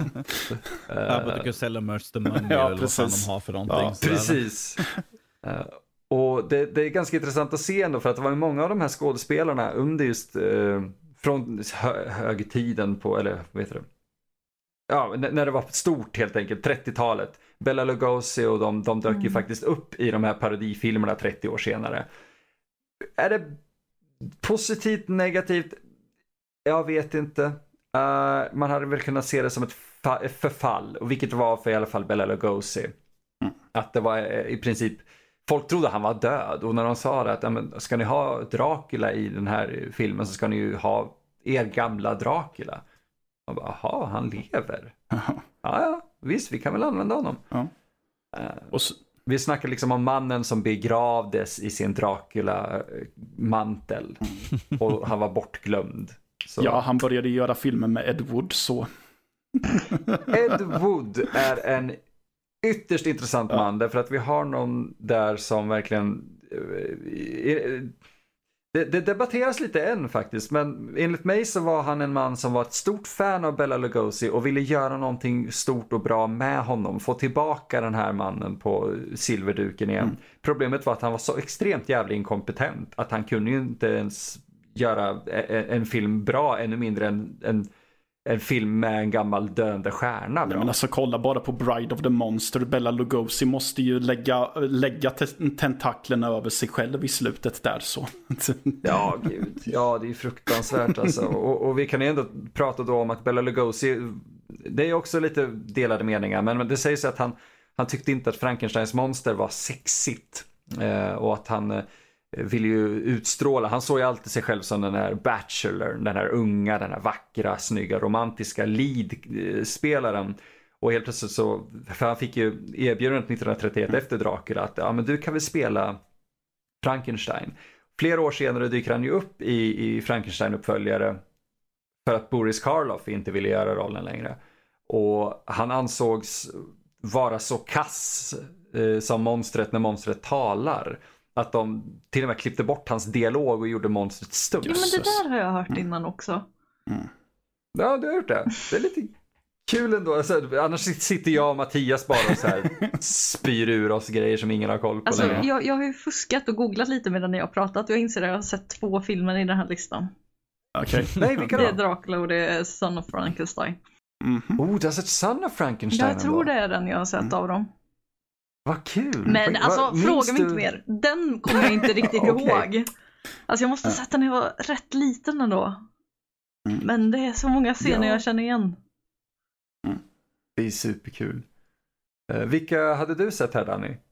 Eh, ja, jag känner igen namnen på de flesta, så jag antar att jag har sett dem minst en gång i alla fall, de flesta filmerna faktiskt. Så Det här är ju under många år ju, så kan säkert ha missat någon, men att såklart de, de största som alla känner är ju Dracula, Frankenstein, Mumien, uh, Wolfman, Osynliga mannen, Fantomen på Operan och Creature from the Black Lagoon. Det är de mest kända egentligen ju. Men Mm, precis. sen finns det alla uppföljare, de där lite mer obskyra vid sidan av filmerna ju så att säga. Ju. Ja. Åh gud ja, mängder av sådana. Men det, Mm, det, roliga är att det, det här är liksom filmer från 30-talet och framåt. Och Mm. De är ju fortfarande i zeitgeist i filmvärlden, liksom att folk gör nya versioner eller Ja. adaptioner på dem. Liksom fortfarande, att det är ju ingenting som kommer försvinna. Speciellt när de försökte göra den här Dark Universe, vilket de misslyckades stenhårt. Jävla tölpar. Vilket är så synd för de fokuserade mer på... eh, många saker som var fel Mm, där. Men, men Mumien för mig var så lustigt att börja med där. Även om det kanske var tänkt att Dracula kanske skulle vara där från början och sen gick inte det. För att Dracula eller Frankenstein, vilket de hade tänkt göra Bride of Frankenstein först där, Mm. vad jag minns, var, det hade ju varit någon av dem de hade behövt göra. Varför skulle de börja med Bride of Frankenstein? Fråga inte mig, Plus- jag har frågat mig. Vad fan? Det, det, jag tror att deras största misstag är att det är ingen skräckfilm den här Mumien Nej. som de gjorde. Det var liksom en actionfilm, vilket av delets avsnittsnamn, eh, skräckfilmer, att de gjorde helt fel. Att de gick helt ifrån det som filmerna var från början. Det var liksom för att skrämma folk. Det var inte, nu för tiden får man titta på filmen och tänker man liksom, vad är det här för någonting? Varför går han omkring i ett badlakan för sådär? Ah, jag förstår inte. Ja, det är en skäggig man. Aha, han ska vara varulv. Ah, ja, okej. Jo men det pratades lite om, om, om att, för det är just det, det var ju en matinéfilm. Eh, det var ju som Brennan Fraser fast lågbudgetvarianten, vilket är jättekul när det är Tom Cruise som spelar huvudrollen. Ja. Eh, men, men det var ju det, det var action, det var ingen atmosfär. Och jag har ju hört vissa så här teorier om att ah, men vi kunde inte göra en, en mumien som vi gjorde dem för för att det skulle anses vara rasistiskt idag. What? För mig är det sådär att, det, ja, exakt, att det skulle vara eh, rasistiskt att vi tar någonting som är en, eh, en kulturell grej från ett annat land och så, så gör vi den till en, ett skräckfilmsmonster. Och det enda jag tänker då är att inte fan tror någon att det är Mumien eller Brennan Fraser de kommer stöta på när de åker ner till Egypten. Utan det, det, vi vet att det är en film. Jag tror inte att jag kommer om jag åker till Transylvanien så kommer jag inte stöta på vampyrer. Är du säker? I want to Jag är- drink your blood. Once, twice, Det- three times I want to drink your blood. Oj. Men det där, det där är jättekul för att vi, vi härmar Bella Lugosi när vi gör Dracula. Mm. Mm. Och vi härmar faktiskt Bella Lugosi när vi gör Frankenstein många gånger. Mm. Mm. För att eh, många härmar Frankenstein med att, med att gå med armarna utåt. Mm. Mm. Mm. Det är från när monstret är blind i en av, om det är, tror jag, Är det, House är det of när Frankenstein. eh, han, är det soppa eller något sånt där han får på sig? Eller vad fan? Nej, det är kanske en annan scen.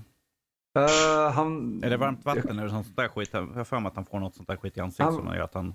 Han blir blind för att hans hjärna... Okej, nu, nu blir det, nu blir det story-wise här. För att han, eh, sagostund med Emil. Kära barn, det var nämligen så här att Igor, karaktären Igor, spelades av Bella Lugosi. Och eh, han ville ha in sin hjärna i monstrets kropp. Så när de förde över den dit så, eh, ja, det var ju en lyckad eh, operation. Det är konstigt nog. Men eh, hans blod, eh, heter det? blodtyp matchade inte kroppen. Så han blir blind. Av någon anledning. För vi alla vet Ja. att det är det som händer när blodtyperna Exakt. inte matchar. Jag ser inget man har problem i det. lyckats föra över en hjärna till Ja. en annan kropp. Ja. Så som vi gör dagligen ju nu för tiden. Ah, där var problemet. Fel blodtyp. Ja. Ja. Eh, men han får faktiskt varmt vatten i facet någon gång också. Jag minns bara inte vilken film det är. Eh, Men där pratar vi ändå om just 30-talsfilmerna där. eh, De är, ex- ja fan 40 också kan vi säga. De är extremt atmosfäriska. Ja, jag skulle säga också att eh, vi pratade ju om estetik förut och då har man ju, tycker jag i alla fall, att man har ganska mycket godis att hämta ifrån de här gamla filmerna. Åh gud ja. Ja. Så mycket inspiration till, till modern skräck Ja. och... och ja. Men alltså det är så svårt att säga om man verkligen har sett de gamla originalen eller om man tror sig ha sett dem för att man har sett remakerna. Alltså vi har ju fått så in, det, Ja. det är där, Frankenstein är ju en public domain grej också. Mm. Om jag nu inte missminner mig helt. eh, för att alla kan göra en Frankenstein-historia. Ja, Mm. f- med tanke på att hon skrev den, var det 1816, så eh, tror jag inte Mary Shelleys familj äger några rättigheter längre. Ja. Sen är det ju sen det- är det också svårt att veta vart man sätter det, ja, men vilken är original för vad jag har förstått det som så de flesta Universal-filmerna är väl typ remakes på gamla stumfilmer. Det är Eh, också just sant. det, till. Jo men det, vi vet ju hur det har varit med copyright-lagarna Ja. de senaste Disney, äh, jag menar de senaste åren. Mm. Eh, Disney. Men, eh, så det har ju varit lite sådär hit och dit med vem som äger. Men det är just det att eh, eftersom ingen äger det längre för att det har gått så lång tid så kan ju vem som helst göra det. Eh, och Frankenstein är en re, kan man ju säga en remake. Det, det är förmodligen en, en ny adaption mer eftersom det är en bok från Mm. Jag, för jag tror inte att de gjorde en, en remake på 1910 Frankenstein. Nej, det kanske de inte gjorde. Eh, men eh, fun fact, lite kuriosa. Eh, Matte, du vet nog det här. Vem var det som producerade Frankenstein från 1910? Jag vet, jag vet. Vem vet? Vet någon annan? Nej. Mattias, vem var det som gjorde den? Einstein. Ta, ta det där en gång till och tänk efter vad du säger. Einstein. Mm, det är fel. Ja. Det, det är Thomas Edison. ja, så var det ja. Ja, Aj, Det var nära, men på fel spektrum av sidan där. Aj, aj, aj, ja, jo, aj. precis. Det, det är inte Red Alert 2 vi pratar om här. Men, eh, så det är lite intressant ändå att det finns ju, vi har ju eh, Hunchback of Notre Dame också, har ju fått eh, remakes och det har, fan i mig, hur många, ja på tal om Disney, titta där, Disney har tagit ganska mycket sånt ändå. Och det är en lång historia, vi behöver inte gå in på den historien heller, men den boken är jävligt intressant, eh, Hunchback of Notre Dame. Uh, kultur, inte kulturkritisk, den är kon, kulturkonservatistisk kan man säga. Jösses. Tack så mycket.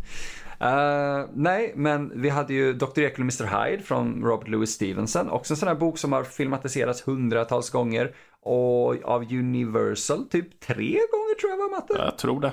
Ja, innan 50-talet finns i alla fall. alldeles för många versioner av den. Ja, Och då har vi inte räknat faktiskt. med Hammers alla versioner heller. Åh gud, nej! Åh, vi får ta Hammer, Hammer det är ett gång. helt separat avsnitt Ja, för sig. ja, det är det. så Jag tänkte säga Alltså, Hammer Eh. kan, är ju en, ja, som du säger, det är en värld för sig. Mm. Åh gud ja. Mm. Eh, men det är intressant egentligen att, att, se över. Vi hade den här atmosfäriska skräcken från 20-talet egentligen fram till eh, 50-60 där och där började världen ändras ganska mycket. Eh, 50-talet var ju mycket mer eh, inriktat på sci-fi och eh, eh, s- panik och våld, man ska säga, från yttre rymden. Uh, sen så i slutet av 60-talet så kom det en liten film. 1969, 8? 68. Tack så mycket. Så jävla bestämd har jag inte hört det på länge. Eh, vilken film var det? Night of the Living Dead. Jag vill bara påpeka att Precis. det märks vilka som har eh, sidoprojektet med filmpodcast. Yes. Jag vet inte vad du talar om. Jag har ingen aning om vad du talar om. Nej, jag tänkte att man, om man bara tar och går igenom väldigt kort egentligen eh, över de här hundra åren, eller dryga hundra åren nu som, nej fan med, det blir hundra åren om vi börjar på 20-talet. Eh, så vi hade väldigt mycket atmosfär. Vi hade eh, en helt ny typ av, vi hade en renässans av skräckfilm. Det, det blev mer närgånget kan man väl säga egentligen. Det, det, det, det gick ifrån de fantastiska gotiska figurerna tillbaka till, eh, eller till mer vem som helst kan bli tokig och börja äta dig och mörda dig i princip. För det var ju mycket med rysskräck och sånt där som kom också med typ Invasion of the Body Snatchers och de där. Just det. Eh, så det var ju ett sätt att närma sig den typen av eh, social proble- eh, problematik med just den här genren. Som andra genrer inte kunde. Lite som du sa tidigare Matte där. Man kunde utforska någonting på ett annat sätt. Eh, 80-talet, kom igen. 70-80-talet gav oss uh, jävla massa grejer egentligen. Men det är nog där vi alla känner oss relativt säkra skulle jag säga. Vi har de här slasher-filmerna, vi har eh, vi Ja, har, men det eh, kommer ju alla de som, ifall de säger så här, säg skräckfilmer. Freddy Krueger, Jason Exakt och de, de. liksom, sen fortsätter listan, Motorsågsmassakern och alla, alla andra sådana här filmer, uppföljare och allt sånt roligt. Ja. Ja, det var precis de jag skulle säga. Jag skulle ta Michael Myers och där räkna upp dem för att där har vi egentligen det jag skulle klassa som eh, ja, kanske vår tids fortfarande. Vi är på väg in i en ny, kanske ny bronsålder kan man väl säga. Men vi har, vi har ju guldåren och det är ju Dracula och de där. Sen så har vi ju, om jag bara gör det jättekrasst, för jag kan säkert hitta mellanår och sånt där. Men sen har vi ju silveråldern och då är det ju Leatherface, det är Freddy och dem. Mm. Och nu har vi kanske, ja vad har vi nu egentligen? Jag har fan ingen koll på vad som skulle kunna vara de där monstren idag. Eh, Babadook kanske? Ja, jo, Ja. precis. En, en lite mindre i så fall. Mm. Um, Mm. Jag vet inte, det, det känns som att idag så kör de inte på... Vi känns som vi får tillbaka, för eh, vi får ju Candyman igen. Ja. Det ska komma en re- det känns som remaken, men det har det alltid varit ju. Eh, det känns ju som de slänger tillbaka lite gamla klassiker igen ju. Vi får ju uh, Child's Play också. Precis. Två filmer. ju. Precis, och de En, döper en om... riktig och en, och en fake. Ja, och de döper om... Ja, exakt. döper om Chucky också. Precis. Ja, ja, av anledningar som vi inte... Ja. Men an, annars skräckfilmer som vi får nu för tiden, ja, jag skulle inte ens kunna nämna det. Alltså jag tycker det Det är sällan jag kollar. Det känns det är mycket får- remakes. Och sen får vi sådana Mm. filmer som Get Out till exempel. Mm. Som är ju samtidigt en kommentar om samhället egentligen ju. Mm. Eh, Jag, jag tänker... Eh, Ja, alltså jag tänker mycket spöken av olika slag Mm. mer. Mycket övernaturligt det Ja, precis. My, ja, exakt. Idag så skulle man väl kunna säga att den största ikonen av skräckfilm är väl en handicam. Eh, Ja, men, Ja, ja, ja. men alltså det, det, något övernaturligt som kan smälla och, s- i dörrar och möbler så att jump scaresen frodas ännu mera. Du, du lät alldeles för till dig när du sa det. Men ja, det, det, det ligger något i det. Annars hade vi inte fått, vad är det, sju, åtta stycken Paranormal Activity och alla de här jävla Conjuring-filmerna. Jag tänker att Ja, så måste ha satt väldigt mycket djupa spår. Ah, tack. Ja. Ja, Jigsaw och eh, de där är ju... f- Ja, de, de hade nog sina spår där ett tag. Mm. Eftersom det, det kom ju ändå åtta filmer. Eller ja, sju stycken, sen kom den åttonde där. mm. Jag var garanterat den äldsta på biografen när jag såg den åttonde på bio. Eh, men, eh, ja. Fast jag tycker ni hoppar över 90-talet lite för fort, för jag gillar 90-talet. 90-talet har väldigt mycket Ja. bra. Men jag Det är ju allt från typ Lammen tystnar, Sjätte sinnet. Jag vet inte om Seven egentligen går in där, men jag tänker Ja, men- slänga in den. Jag tycker att du Ja. kan slänga in den där. Ja, Den- och- Ja, för att Den är vi har ändå... Scream-filmerna också Ja. som Mm. kom där Precis. Precis. Ehm, Ja, Candyman är 90-tal faktiskt. jag tänker faktiskt Ja. lägga in en anime och det är Perfect Blue. Okej, Okej. oh, okej. aldrig sett. Alltså ska man se en animerad film så tycker jag man ska se Perfect Blue. Berätta. Det går inte så mycket att berätta egentligen utan att spoila för mycket. Aha. Men eh, det handlar om en, eh, hon är en, en popidol som sjunger i sånt här typiskt tjejband i Japan. Som ska gå över, ta nästa steg i sin karriär.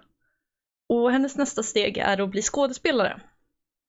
Men någonstans där så börjar hon tvivla på vem hon är. Och om hon verkligen är hon. Mm. Och sen spårar det ur. Men vart det- Är det, s- alltså den faller i någon skräck? Eh, ja, då sätter den under thriller, men ja, den är, det är psykologisk skräck är det.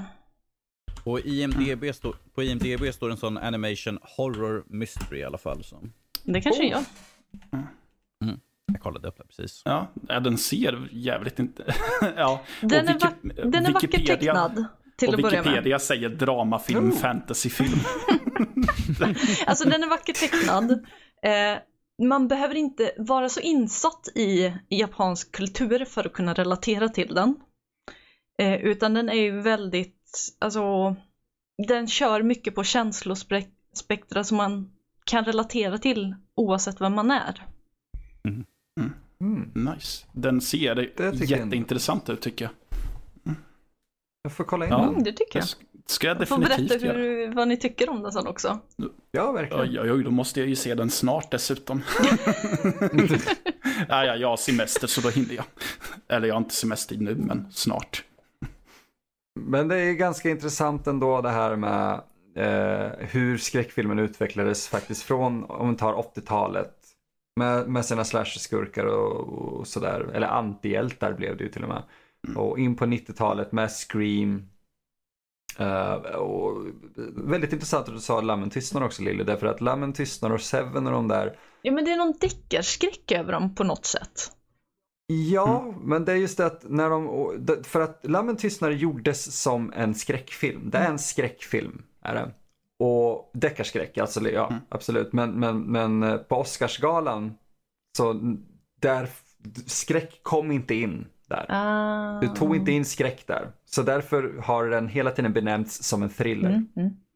Men det är, alltså den har så jävla många tropes som skräck är och innan den gjordes, till och med om man kollar på så här, alltså intervjuer och dokumentärer innan den var färdig så är det, de benämner den som en skräckfilm. Den är för guds skull baserad återigen på Ed Gein.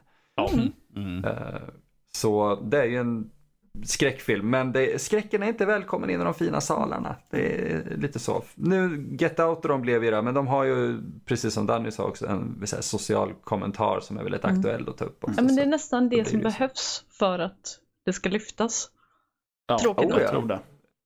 Jo, men tittar vi på eh, George Romeros uppföljare till Night of the Living Dead, Dawn of the Dead, så var ju den eh, extremt eh, aktuell när den kom. Ja, Eh, eftersom det, hela eh, filmen utspelar sig på ett köpcenter och köpcenter var ett nytt fenomen. Eh, och hur det så här, äter upp i princip så här, de här små städerna och mindre butiker går i konkurs och då finns bara de här stora företagsbutikerna och folk återvänder hela tiden dit och bara handlar för att det har de alltid gjort. Ja. Eh, det är fruktansvärt fascinerande. ja. Eh, Mm. En skräck, skräck i sig att kolla på. Ja, Liksom, social kommentar, nej, det, usch, ja, det är faktiskt sanning. måste jag tänka nu? Ja, exakt. Ja, jag vill bara koppla av ju. Ja, jag sätter i en skräckfilm. Jag sätter i Dawn of the Dead från 1977. Mm. 78. Shut the fuck up. Jag borde ha koll på de här. Och han, och han kallar vi the director. Ja, Jag ska tänka. Alltså kom igen, jag skapar film. Jag pratar inte om Oj, oj, oj, pretentiös varning. Yes. eh, Ja, så bra. Det tar mig fan inte första gången jag kallas det. Jag börjar se ett mönster. Okej, Sanningen. jag, jag skulle säga själv. någonting som kanske klassas ännu mer pretentiöst. Men det är ju att det spelar ingen roll hur bra en skräckfilm är. Det går inte upp emot en bra skräckbok. Alltså böcker är... slår alltid. Alltså om vi säger så här, hjärnans förmåga att framana, framana bilder som inte kan komma på något sätt på film är ju betydligt mycket bättre ifall det är en riktigt bra bok. Jag tänker ta som exempel Stephen King eller Dean Koontz. Mm. Väldigt, Oh, ja. väldigt psykologisk eh, terror liksom, egentligen på det sättet. ja, eh, är ju, är, är ju betydligt mycket, om vi, om vi tar och läser till exempel The Shining så är den betydligt mycket bättre än att se filmen eller tv-serien också. Så. Alltså jag tänker slå ett slag för, um, vad heter det, den Netflix gjorde, Annihilation. En, Ja. Just det. Jag älskar den bokserien som det bygger på. Jäklar vad... Filmen fick mig att läsa boken och eh, det var många som var så här, antingen älskar du boken eller så hatar den och jag tillhör den, de som älskar den. Ja. Nej, är nej, men, en som udda alltså. ja. Kanske. Nej, men, jag, jag har ju en favoritförfattare i form av eh, Clive Barker. Oh, Ah. Och ja. eh, jag älskar ju novellerna Midnight Meat Train och Rawhead Rex. Mm. De har bägge två fått filmatiseringar som jag inte har vågat se för att jag är tveksam till om filmerna kommer under skinnet på tittaren så pass mycket som den kommer under skinnet på läsaren. Mm, mm. Men jag tror också det är därför Hellraiser funkar så jävla Ja. bra. För att han skrev den och han regisserade Eh, den. Ja, precis. Till skillnad mot Maximum Overdrive, det där kokainfylld Stephen King som bara om jag ska göra det här så ska jag göra det så. Alltså, Eller vad det var. I'm going to scare the hell out of you. Jo men jag tror, hans syfte med den filmen tror jag var, nu ska jag göra en Stephen King-novell så som jag vill göra den. Vilket var inte otäck utan bara ha jävligt roligt. Men alltså, Hellraiser är ju filmer som tåls att se om och om, om igen. Alltså. Du, du kan inte Ja, se ja. dem för många gånger. Jag vet inte hur många gånger jag har sett första Hellraiser och jag älskar den lika mycket hela tiden. Man, man kan ju skippa alla som filmer bör heta In Space. Ja, snälla gud, ja. Jag, ja fuck mig. Ja, jag hatar de jävla In Space-filmerna. Okej, det finns en jag gillar. Mhm. Jason Ja, X. I så fall gillar jag två. Oh, ja, jag gillar Jason X men jag gillar även fjärde Critters-filmen för att jag tycker att det är en solid sci-fi-film. Jag måste ta och se dem där, jag har inte gjort det. Ja. Men det är också en ganska Plus intressant... att Brad Dourif är med och jag är lite svag för den snubben så. Alltså, vem är inte det? Oh, jag, jag måste Ja, ja. testa. Eh, har ni sett Them? Åh, gud, den om, den där Eh, gamla... tänker du Med på sol, solglasögon och hela stuket. Sådär. They Live tänker Ja, du jag på? tänker på dig. Ja, Ja, den, eh, är det filmen om myrorna eller den franska nyare filmen? Nej, det är Nej. en film om, eh, eh, vad heter det, night terrors kallar man det. Okej. Om barn som blir haft, alltså det är en kvinna som hade night terror som barn Ja. och Mm. upptäcker i vuxen ålder att hon är märkt. Det här har jag inte sett. Jag tänkte bara på eh, Vilket år? myrfilmen. Vilket år? Ja, för det, Eh, ska se, det är nog, eh, kan det vara 2009? ja, för jag... eh, nu ska vi se. Mm. För det finns Nej, en... 2006 är den ifrån. Ja, men det var den jag tänkte på. Ah. Ja. Oh, vad intressant! Eh. 2000, tidigt 2000-tal var ju också mm, f- det man kallar för new eh, wave of extreme French horror. Mm. Ja. Nej men eh, för visst är det typ Eller ett par den... som... Nej, vänta ett tag. Jo, Ja. du har rätt. Grejen Ja. är, jag ska förklara varför jag blandar ihop namnen. Den, den andra heter Day. Alltså, They, Ja. okej. Ja, den grejen är att jag sett. köpte en box med fyra skräckfilmer i. Och båda är med i den. Så därför blandar jag alltid Oh. ihop namnen på dem. Men den andra är Day. Men den franska filmen är också bra. Men jag tycker Eh, Ja, Day är mycket bättre. är det den från 2002 eller? Eh, ska kolla så jag får rätt år. Jag kan ju inte sånt i huvudet. N- nej. inte jag heller. Det är ju du som sitter och rättar Ja, mig. ja, Det är den från 2000, Ja, 2002. okej. Ja, den har jag inte sett. Mm. Alltså, ja. Mm. Det här är varför inte jag intressant. sitter och recenserar spel, eller film. Och så bara, utan bara spel, för spel har jag lite närmare relation till och kommer ihåg namnen på dem. Jag, jag ska börja tänka över nu när jag börjar dela ut spel. ganska- Fan, helt rätt. Mm. Ja, nej, för Frankrike hade ju faktiskt en väldigt intressant våg Mm. där ändå. Det var bra att du sa Frankrike. De gjorde mycket filmer som Martyrs, Ja. de gjorde High Tension, även känd som Switchblade Romance. Guldfilmer eh, bägge två. Åh gud, ja. Eh, in, eh, inte Insane, den. Inside. Inside. Mm. Tack så mycket. Eh, och vad heter de? Jag kommer inte ihåg vad den heter. Vilka? Ja men det finns, eh, Frontiers Ja. heter den. Jag tror jag till och med recenserat den för Nördliv. Ja. Ja. Eh, det eh, kom jävligt mycket bra uh, extremfilm är det ju då kan vi tillägga. Återigen om inte det var tydligt i namnet där. Och det är alltså att de är ganska grova. Ja. Eh, Inside är väl en av de första filmerna man brukar se i den här, ja den och Ah, High Tension. Men båda två är våldsamma så in i ja, de var väl typ de två första eller? Nästan. Ja, i princip de som grundade hela det här äh, att man, man börjar, ja vad heter den? Irreversibel. Ja. Uh, irreversible Ja, också. eh, Martyrs var ju ganska tidig med, vill jag minnas. Ja. Ja, var den Ja, där? det kanske ja, det var var. nog. Ja, jag skitsamma. gillar att jag kastar ut några titlar och det är några som nappar direkt. Mm. Ja, det, vi kan alltid koppla ihop någonting Ja, ja. till någonting. Mm. Eh, Men, men jag rekommenderar verkligen att kolla upp de här franska filmerna Mm. om man har förkärlek till lite mer, alltså inte kul våld, Mm. Nej. alla braindead och sånt, utan mer kanske eh, om du är en gravid kvinna så kanske du inte ska se inside-våld. Aj, typ. aj. ja. Nej men, Aj, nej, men Ja. alltså det är extremt våldsamt men jag, det känns inte som att det är inslängt för sakens skull heller. Nej. Utan det är för att eh, typ förvärra situationen karaktärerna befinner sig i ännu mer. Eller ännu mer få tittaren off guard känns det som. Ja, därför att du, du blir lite deprimerad för att de här filmerna är så välgjorda och de är hemska Mm. och helt plötsligt så blir de våldsamma också. Eh, och det för mig var väldigt ny upplevelse när jag såg typ Inside och de där. Mm. Uh, fan vad bra att du sa det Lilly. Okej, var- jag kommer att testa ett annat språk då. För jag vet Okej. inte. Eh, jag är ju väldigt förtjust i spanska versionen av Rec från 2007. Jag gillar den också. Mm. Och även eh, Pans labyrint. är inte det original, den spanska? Jo. Jo. Det är original. Men Pans labyrint är också en sån som nästan Ja. aldrig Ah, glöms ja. bort. Nej, jag älskar eh, Pans labyrint. Ja, den är fantastisk. Bara för att nämna att det finns fler språk än bara engelska. Ja. Ah? Jag ser dem bara dubbade. Jag kan inte det. Jag ser svenska filmer dubbade till engelska också. Ja, det händer. Jag överdrev lite grann, men jag... In, Eh, inte du, nej. Sånt, Varför sånt, skulle jag sånt, sånt händer väl inte? Inte sånt jag gör. Men jag tänker så här, vi har suttit ganska länge nu och pratat på. Alltså jag tror att vi Äh. kan börja, alltså vi kan sitta nog hela natten och bara testa och kasta titlar på varandra och se om det är någon annan som nappar rätt om vad sett dem. Alltså du har ju triggat igång mig nu så att jag kommer sitta här och rabbla det här för mig själv. Härligt, härligt.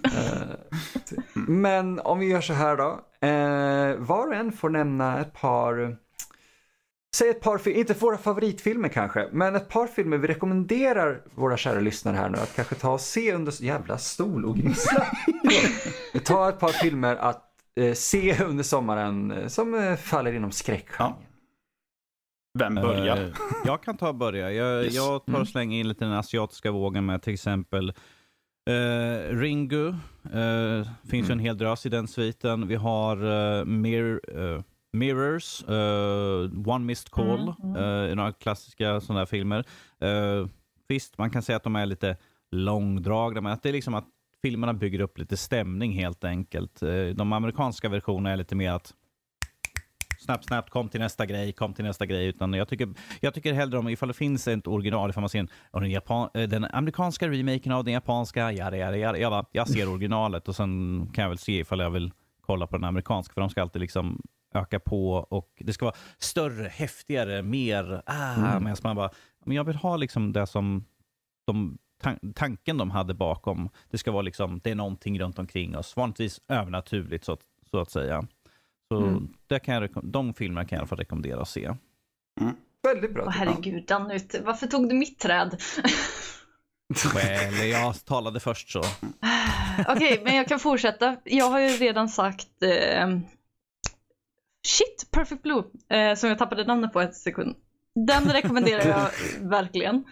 Eh, men sen så tycker jag, har man inte sett Låt den rätta komma in ska man se den. Eh, man ska se Norska Dödsnö om man vill ha zombiespel Oh, och ha lite kul.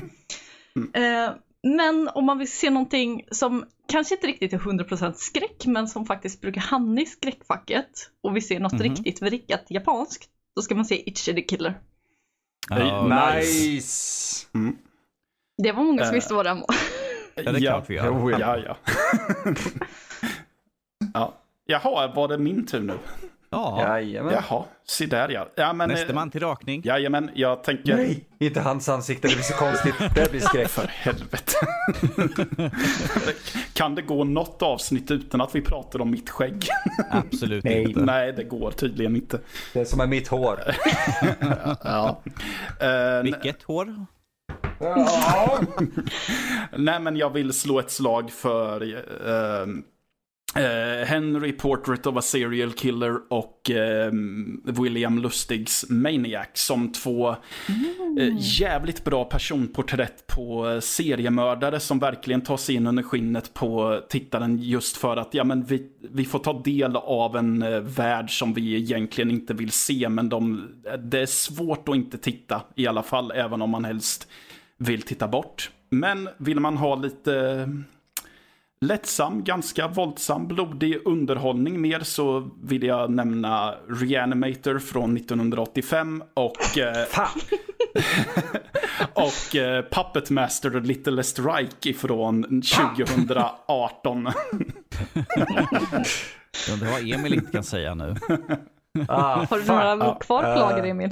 Jag har, jag har kvar Ja, ett, par måste jag kvar säga faktiskt. Motorsågsmassakern där. Det måste ta också länge. Det hade jag faktiskt tänkt att ta också. Det är det. Eh, nej, men då skulle jag i så fall vilja uh, Jag förväntade att rekommendera... skulle komma liksom så ja ah, ni måste ju i alla fall se uh, Monster Collection för Universal här från 1931 och framåt eh, sådär. Jag tänkte ju faktiskt ta ett par av dem också. Nu har jag ju typ ingenting som inte har nämnts här. Uh, Okej, jag kan ta, jo men om, om man exempelvis gillar uh, found footage-filmer. Eh, så Alltså kan Blair Witch kan jag ju säga också, kan ju man titta Ah. på. Eh, ja, det finns faktiskt, aha, aha! Nu blir det kul. Blair Witch självklart, men av found footage-filmer så tycker jag definitivt att man bör kolla in eh, en som heter The Borderlands. Tror jag. Eh, och den är nog mer känd som filmen, eller under sin amerikanska titel för den är från England. Eh, och på, I USA heter den Final Prayer, så den kanske är enklare att hitta så. Mm. Fruktansvärt dålig titel jämfört med vad filmen är. Eh, Självklart Dracula och Frankenstein, originalen där, eh, helt fantastiska filmer, så har man inte sett dem. Jag, jag, vill inte, jag vill inte höra någonting om att det är svartvitt, det är tråkigt. Ta, ta och se dem och, och, och ni kommer, ni, jag lovar att ni kommer komma in i dem. Eh, Vill ni ha lite mer våldsamt udda? Jag sitter där desperat kollar nu i min jävla hylla här nu. Eh, för att nu hamnar jag lite om, så här, Ska, inte- ska, ska, inte komma med hajen också? Sådär. Nej! Psycho! Psycho kan vi Som ta. våldsamt Eh. underhållande. Nej men som skräck. vänta, vänta, vill han ha våldsamt underhållande? Eh, lida i så fall. ah, fuck. Eh, mm, House of Thousand Corpses. Eh, vi kan ta eh, Devil's Rejects. Devil's Rejects, Mm, definitivt. Ja. Den, Ja. Den, Ja. den tar jag som min solida Ja. rekommendation. Kommer ju en uppföljare i år, vad vi har förstått också. Ja, exakt. Så eh, se gärna House of Thousand Corpses som är första filmen i den serien regisserad av Rob Zombie. Eh, sen Devil's Rejects och han har gjort ett par andra som... Nej. Vi, vi, nej. Utan eh, se gärna särskilt då eh, Rejects för det kan vara en av de bästa skräckfilmerna, om inte en av de bästa filmerna som gjordes mellan 2000 och 2010. Eh, ja, men det var väl det. Ja. Det är nog bäst vi avrundar där innan vi alla kommer på den, den Ja, här jag- extra filmerna. Jag tror att vi sitter och känner att vi vill namedroppa ännu mer filmen. Ja, Ja. Alltså skamligt många, Ja. men det, det ska vi inte göra. Det, fan, det var, jag såg den också i hyllan och sen glömde jag bort den. Men tack, det var bra att du kom på den faktiskt. Den är definitivt den man bör se. Ja, jag vill Eh, slå ett slag för Terrifier också.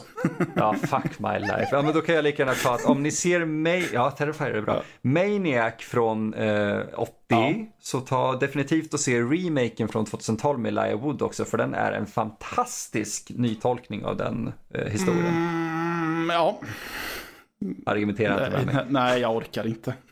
Exakt. Lilly, har du en till du vill? ja, om man gillar sci-fi skräck så kan man se Astronautens hustru. med Johnny Depp. Oh, okej. Hmm. Wow. Damn. Det var någonting jag inte har hört om, vad jag vet. Inte jag heller. Men coolt, då har vi fått eh, lite filmtips mellan varandra och ni kära lyssnare har fått filmtips från oss. Och, Och är så att massa ni... gal- gallimatias emellan. Ja, gud ja, jag hoppas verkligen att ni kan ta det här på stranden eller vart ni än är och inte hata oss allt för mycket. Eh, Vi vill bara berika eran sommar med eh, ännu mer eh, underhållande content. Living Dead, Psycho. Så fuck mig. Och ett avsnitt originalet. uppenbarligen fyllt med filmtips. Ja, Ja, precis. m- och medan Danny sitter och rabblar på i bakgrunden där så vill jag önska er alla en fantastisk sommar. Eh, och vill ni nå oss så Exorcisten, kan ni helt enkelt mejla oss Cannibal Holocaust. ett info, åh fuck den är bra, info at nördlivpodcast.se Visit. också Eh, bra. och sociala medier så kan ni nå oss på atnörd, nej, atnördliv.se egentligen, Atnörd. eh, vart som helst. Så Shut. tack så jättemycket för oss och ha en grym sommar. Hej då! Toodaloo. Hej! Hej då! Prefer- perfection.